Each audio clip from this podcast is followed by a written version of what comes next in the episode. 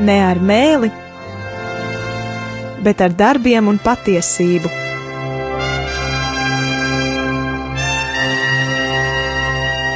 Atvērsim svētos rakstus un studēsim kopā.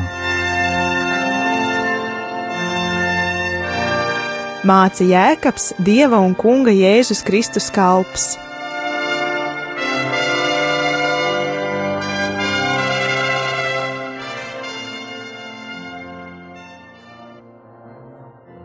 Slavēts Jēzus Kristus, studijā Stela. Šoreiz arī es esmu viena, bet ceru, ka jau uz pēdējiem raidījumiem būsim atkal divatā.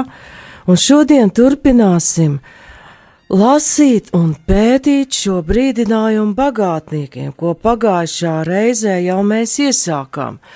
Un kā būtiski tur atradām tādu momentu, ka mūsdienās tik izplatītā plānošana uz priekšu gadiem un gadu desmitiem var pat neatbilst dieva gribētajam plānam. Tāpat mēs arī atradām, ka pati par sevi jau turība un tās vairošanās nav slikta, bet problēma sākas tad, kad mēs to visu uzskatām kā savas varēšanas un zināšanu ieguvumu, un sākam jau uz to paļauties. Un mēs nedaudz ieskatījāmies jau saistītā grāmatā, kas komentē šo jēkaba vēstuli, kad atklāsmes grāmatā varam lasīt vienā no pēdējām nodaļām, ka viss tās, uz ko cilvēki ļoti paļaujās, Un arī šodien viņi uz to ļoti paļaujas. Man ir tas, tas un tas. Es esmu sasniedzis to un to. Es esmu turīgs, izglītots, man ir brīnišķīga vieta, labi atalgota, ka tas viss iznīkst un pāriet vienā stundā, un tur stunda apzīmē ļoti īsu laika sprīdi, jo stunda pret dieva tūkstošu gadiem, kas viņam kā viena diena, nenozīmē absolūti neko bet šodien vairāk padziļināsim izpratni par šiem jēdzieniem, kas ir tur lietoti. Redzējām, ka Jēkabs iesāk savu vēstījumu ar tādu bargu brīdinājumu bagātīgi raudiet un vaimanājiet par nelaimēm, kas jums nāk virsū. Un tur jau mēs atradām, ka tās nelaimes var būt divējāda veida, ka tas, ka mēs nespējam paši radītās ekonomiskās sistēmas kontrolēt, un tās var sabrukt pilnīgi neatkarīgi no mūsu plāniem. Un daļēji šī nepārprotamā tieksme tikai un vienīgi pēc materiālas labklājības un skriešana pēc peļņas ir radījusi arī šo situāciju, kad ir šīs klimata pārmaiņas, ir piesārņota daba, kas rada visu šo stihisko dabas atbildi, jo Dievs ir ielicis tajā savus likumus, kurus mēs līdz galam nezinām. Tātad arī tur var nākt šī nelaime no dabas, no tās stihijām, kuras lielā mērā izprovocē cilvēka darbība, un viss plānotais vienā stundā ir sabrucis un pazudis. Bet šodien mēs vairāk pievērsīsimies tam, ka, kāpēc Jēkabs runā par sapuvušu bagātību, par tām kodēm, par zeltu un sudrabu, kas ir rūsas sēsts.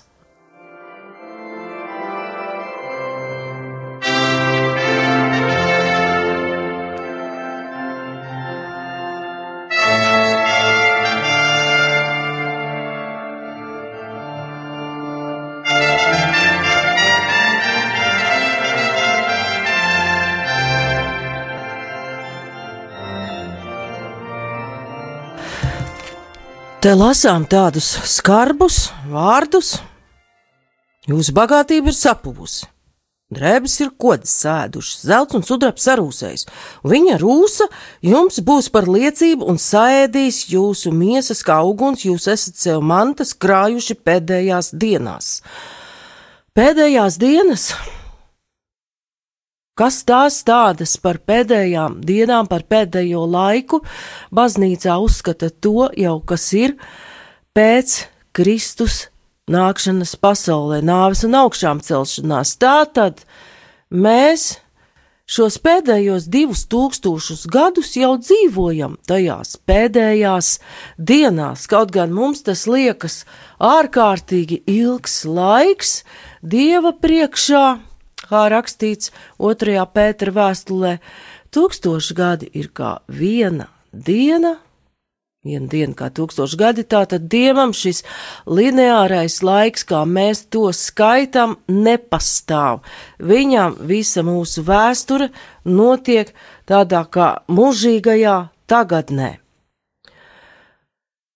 Un interesanti ir tas, ka turpat ir runa par tā zeltu un sudrabu kā rūsas sēstu.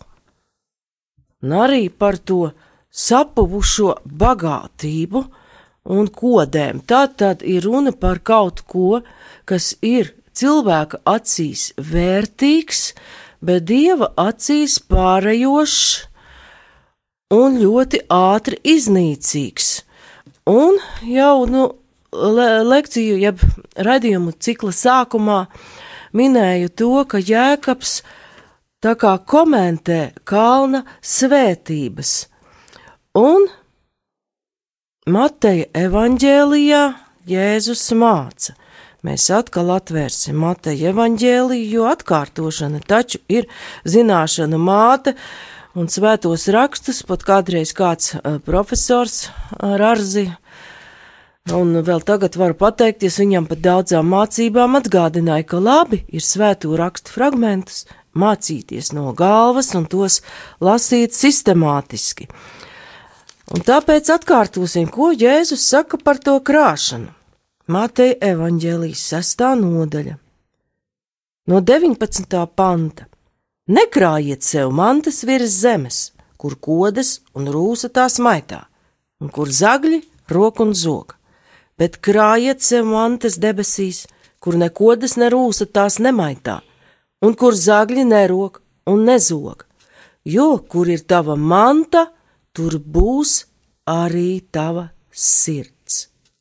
Un 24. pants. Jēzus precīzi paskaidro, kāpēc tas tā ir. Neviens nevar kalpot diviem kungiem. Vai viņš vienu ienīdīs un otru mīlēs, ja viņš vienam pieķersies un otru atmetīs. Jūs nevarat kalpot dievam un mantai. Tātad Jēzus šeit runā par šo izšķiršanos. Vai nu kalpot tam, kas ir mūžīgs un kas ir pavēlnieks arī par visu laiku, vai kalpot tam, kas ir pakļauts entropijas likumam, paliek vecs, sarūsējis, sapuvis un beig beigās iznīkst. Bet viņš šeit nesaka, ka manta vai ka tā cilvēkam ir, pat pa sevi ir slikta. Arī to mēs mums jāievēro. Bet šeit mēs no šiem Jēzus vārdiem varam saprast šo viņa tādu ļoti delikātu un neuzbāzīgu aicinājumu kalpot tam, no kura nāk arī šī turība, arī manta, un varam ievērot atkal jēdzienu krājiet, nekrājiet. Tā tad te ir runa, ka cilvēks pats krāj, un ja viņš pats to dara, viņam rodas šīs ļoti lielais kārdinājums pašam ar to lepoties, un kā jau tur iepriekšējā nodaļā Jēkabs sacīja, plānot, un domāt, mēs darīsim to un to, kaut gan tu cilvēks nezini, vai tu pēc kāda laika jau nebūsi Dieva priekšā. Un aizgājis mūžīgajā dzīvē, un tev par to viss nebūs jāatbild. Bet mm, atkal mēs ieskatīsimies atkārtotā likuma grāmatā, kur šī lieta ir ļoti labi paskaidrota. Atkārtotā likuma grāmata, astotā nodaļa kura man tā ļoti tuva un ļoti patīk, tur tas viss ir pateikts. Kā ir ar to krāšanu? Mēs tur lasām. Tūlīt es to atradīšu. Nu, piemēram, 8. nodaļa, no 13. panta, kad tavi vērši un tavi sīklopi būs savairojušies, un tavs sudrabs un tavs zelts sāks pie tevis krāties, un viss, kas tev vien pieder, būs vairojies, lai tad tava sirds nelepojas un tu neaizmirsti to kungu savu dievu, kas tevi izvedis no Ēģiptes zemes, no verdzības nama. Un te ir būtiska starpība starp abiem jēdzieniem, kaut gan latviešu valodā liekas tā, nu kas tad tur runa par krāšanu vien ir. Atkārtotā likuma grāmatā ir teikts, ka tas viss sāks pie tevis krāties un vairoties. Ar to ir uzsvērts tas, ka ne tu pats to krāj un vairo, bet ka ir kāds, un kāds ar lielo burtu, kas palīdz tam visam krāties un vairoties, lai tev tas būtu. Tātad šis jēdziens krāties un vairoties un atzīt, ka Dievs ir tas, kas tev ir devis šo roku spēku un prātu iegūt, liek akcentu tieši uz to labklājību kā Dieva dāvanu. Un kā tāda, tā kā Dievs ir izšķērdīgs tajā, ko viņš cilvēkiem dod, cilvēks arī ir aicināts tajā, kas viņam tiek dots, dalīties, dot to tālāk un tālāk, lai Dievam rastos šī brīvā vieta, kur atkal cilvēkam dot kādas jaunas dāvanas, ar kurām viņš atkal var dalīties. Jo kas notiek, ja laicīga vai arī intelektuāla vai garīga manta tiek ilgstoši uzkrāta? Tas ir pateikts jau otrajā mūzes, jeb izceļošanas grāmatā. Jau tur cilvēks tiek brīdināts no pieķeršanās un vēlmes tā nekontrolēti krāt. Jo kas notiek, ja cilvēks pakļaujas tam savam saturēšanas un krāšanas instinktam, kurš acīm redzot viņā ir ienācis arī ar grēkā krišanu, kad cilvēks uz cilvēku sāk skatīties kā uz konkurentu, un man ir jāsavāc sev, lai man nepietrūktu. Kungs ir noteicis noteikumus, normu, kā, kādā mērā, cik daudz Izraēļa tautai ir jāsavāc manna tuksnesī, lai viņi nenomirtu badā, tātad katrai dienai.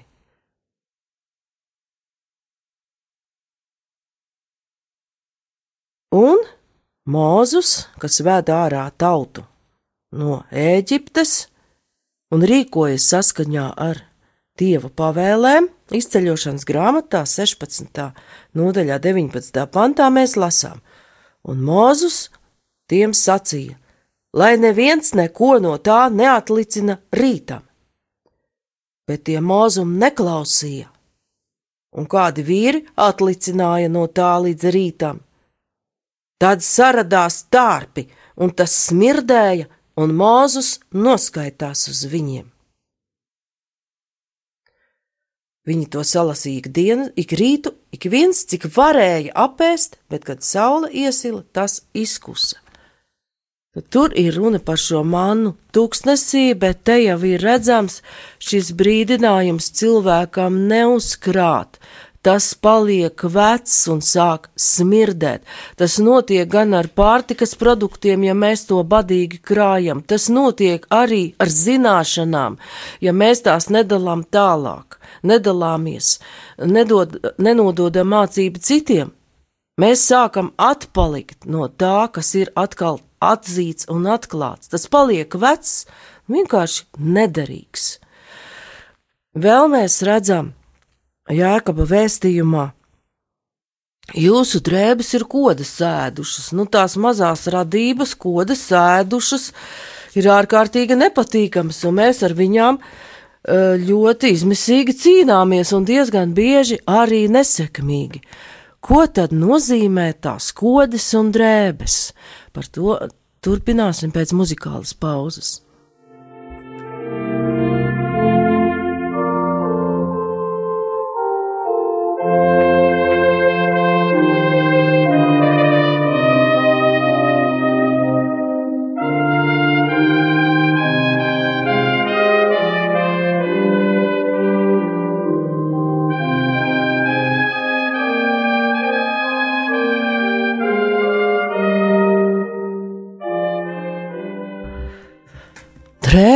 Kožu sēstas. Nu, neiesim mēs tādās uz ielas, metīsim ārā. Tā tad arī kaut kas nederīgs un ārā izmetams.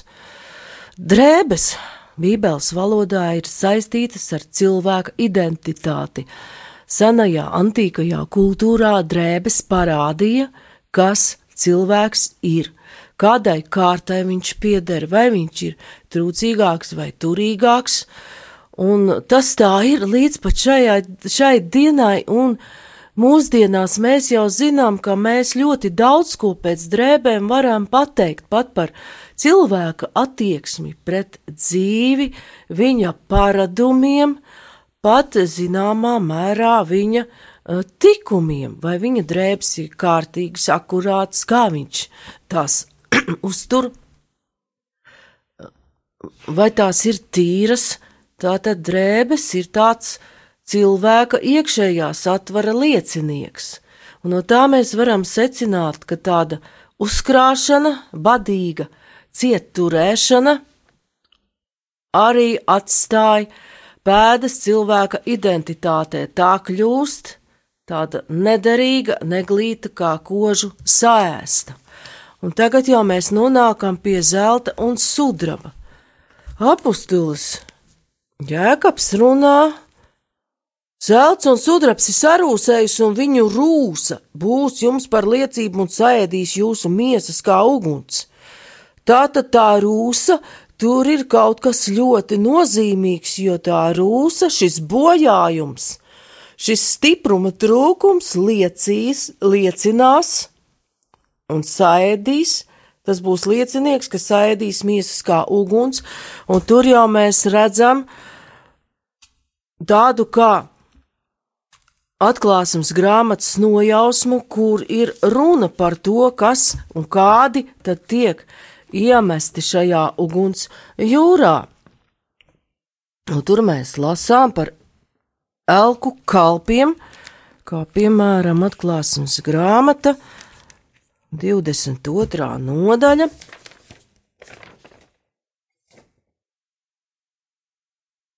No 15. panta Ārā paliek suņi, burvji, netikļi, slepkavas, elku kalpi un visi, kas mīl un runā melus. Tātad tie, kas ir, paliek ārpus dieva pilsētas. Un nedaudz iepriekšējās nodaļās pat ir teikts, ka tie visi tiks iemesti uguns jūrā.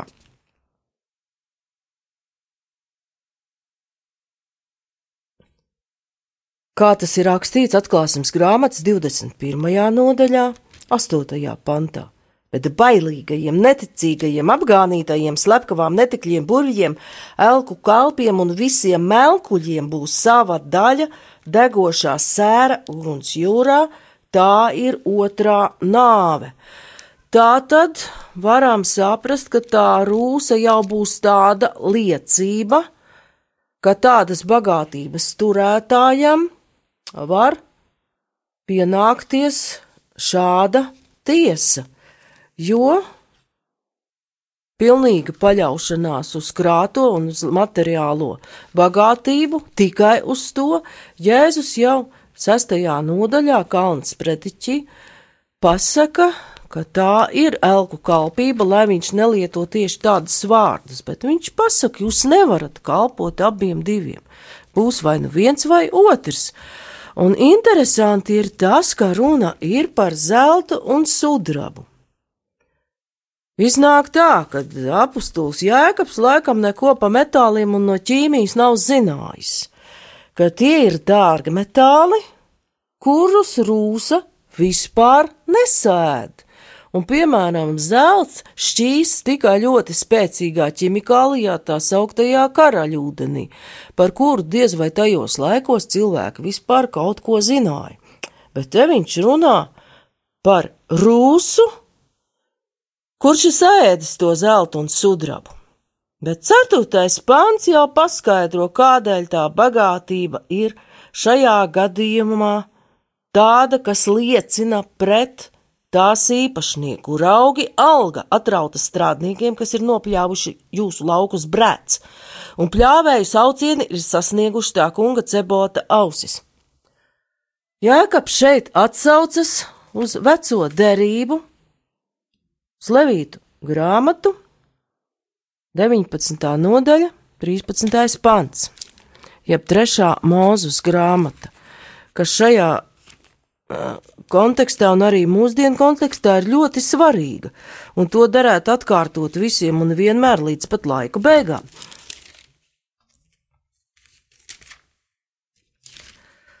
Jo tur ir runa, patreiz es uzreiz man atrast ir pa grūti, jo grāmatas lapas ir ļoti smalkas.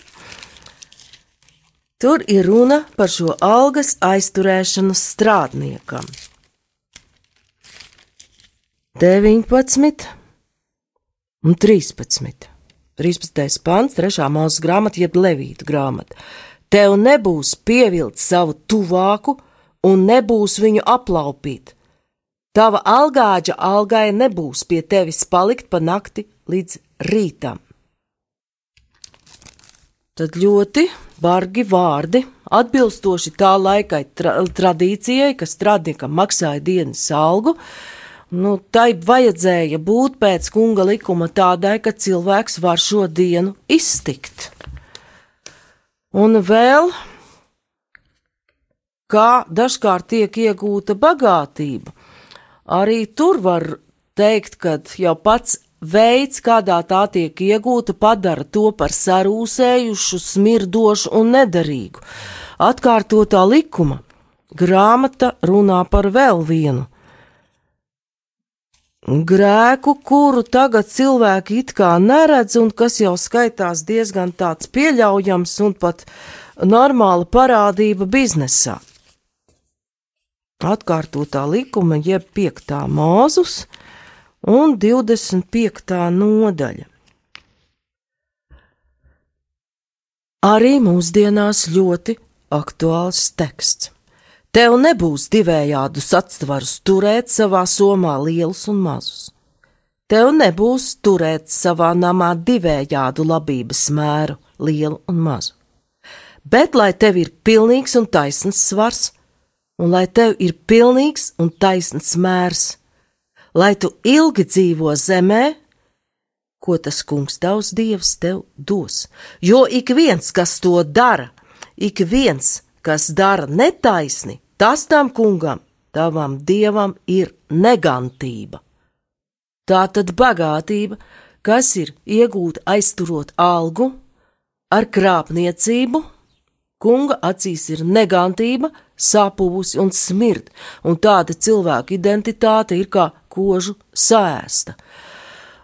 Un kā tad tas var parādīties mūsdienās, pat ja tā alga formāli tiek izmaksāta laikā? Vai cilvēks, ja saņem tagad kādu no tām mazajām algām mūsu pašu Latvijā, var iztikt? Diez vai viņš var tikai izvilkt dzīvību, tā tad viņam pienācīga cilvēka cienīga alga tiek aizturēta. Un jāatzīst pat ar likuma varu, jo valstī ir noteiktais minimums. Kā var notikt tā krāpšana un netaisnie mēri un svari? Notiek tāpat kā toreiz, jo visus svara lietas mēs nevaram tirgu un veikalos izkontrolēt, un kā ir atrunātas, mums nezinot visas elektroniskās programmas, tas ir viens, bet Cik liela ir starpība starp preces pašizmaksu un to cenu, kas ir redzama cenrādī, mēs to nezinām. Cik liels ir šis procents, uz kura rēķina iedzīvojas? Cik milzīga peļņa ir farmācijas industrijā, kur notiek pat rotaļas ar cilvēku dzīvību? Tā tad varam saprast šo tekstu plašāk ka netaisns mērs un svārs ir arī nenormāli liela, neadekvāti liela peļņa tās pašas alkatības vārdā. Un redzam, ka dievam tas riebj, un kā mēs vēl to varam saprast. Dažkārt turīgie cilvēki, pat ja bagātība ir iegūta tādā veidā, nu uznāk viņiem arī tādas it kā labdarības lēkmes, un viņi var pat it kā, lai apmierinātu sirdsapziņu, ziedot baznīcai, it kā ziedot dievam, bet no svēto rakstu teksta mēs saprotam, ka šāda dāvana kas nāk no netaisniegūtas bagātības, dieva acīs nav vērtīga, viņa acīs tā ir sapubusi un smird. Un šis īsais fragmentiņš, kā redzam, cik teksts ir apjomīgs un bagāts, Beidzas ar šo brīdinājumu piektā pantā: Jūs esat virs zemes dzīvojuši kārumā un baudās, jūs esat savas sirdis barojuši kaujamai dienai, jūs esat pazudinājuši un nokāvuši taisno, viņš jums nepretojās. Vai kaut ko baudīt vienmēr ir slikti? Atkarībā ko un kā pats kungs ir noteicis labu un ļaunu savā likumā. Jo paši zinām, ka daudzreiz mēs arī dievkalpojam arī svēto misi atrašanos kunga tuvumā izbaudām un priecājamies par to. Bet šeit Jēkabs runā par šo kārumu un baudu, kas izpaužas kā nevajadzīga luksusu preču ražošana un patēriņš, rīcība. Un mēs ļoti labi redzam, ka dažkārt šo turīgo slāņu paradumi ir pat absurdi un mums nesaprotami, kāpēc tas viss ir vajadzīgs un kāda tam ir jēga. Un redzam, ka Tas viss būs tāds, par ko jāatbild tiesas dienā, un šiem turīgajiem cilvēkiem ar netaisni iegūtu bagātību, un arī tādiem, kas ir krājuši un nav ar to dalījušies, tā būs tā kaujamā diena, kuru jau pieminēja Jāņa atklāsmes grāmatā. Jūs esat pazudinājuši un nokāvuši taisno. Varbūt tieši rokas jau nav pieliktas, nav uzmests kaklā striķis tam taisnīgajam, un mēs visi kaut kur esam netaisnīgi lielākā vai mazākā mērā. Apostols Pāvils saka, ka neviena nav taisna, bet kā taisno dažkārt svētie raksti apzīmē trūcīgo, nabago un neaizsargāto. Un tā tad varam saprast, ka ir runa par tiem, kas ir nabadzīgi un neaizsargāti tādēļ, ka citam ir tā milzīga liela apetīte. Tas nabagais, neaizsargātais taisnais ir arī tas pensionārs, tas maz atalkotais sanitārs slimnīcā, tas sociālais darbinieks, kas saņem grašus. Jā, un varētu pat teikt, tas ir cilvēks, kas apzinās, ka viņam ir problēmas, ka viņš ir ievilkts šajā viltus piedāvājumā un grib no tā tikt ārā, bet viņš tiek grūsts. Atkal atpakaļ. Par ko es gribu šeit eh, runāt? Šis piemērs, ka ir diezgan daudz cilvēki, kuri ir uzrakstījuši iesniegumus, lai viņus nelaiž spēļu ellēs, jo viņi redz, ka viņi iet bojā, iznīcina sevi un savu ģimeni.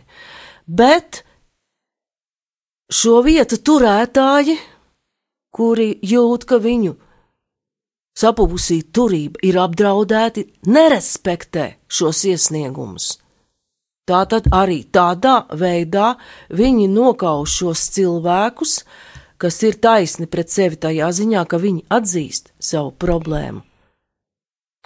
Tātad varam nonākt pie secinājuma no apstuļēkapa vārdiem, ka bagātība un turība ir milzīga atbildība gan ar to, kādā veidā mēs pie tās tiekam, gan ar to, kādā veidā mēs to izlietojam, vai esam spējīgi ar dieva dāvāto labumu dalīties. Bet nākamajā reizē, ja mēs runāsim par pacietību ciešanās. Paldies par uzmanību! Studijā bija Stela.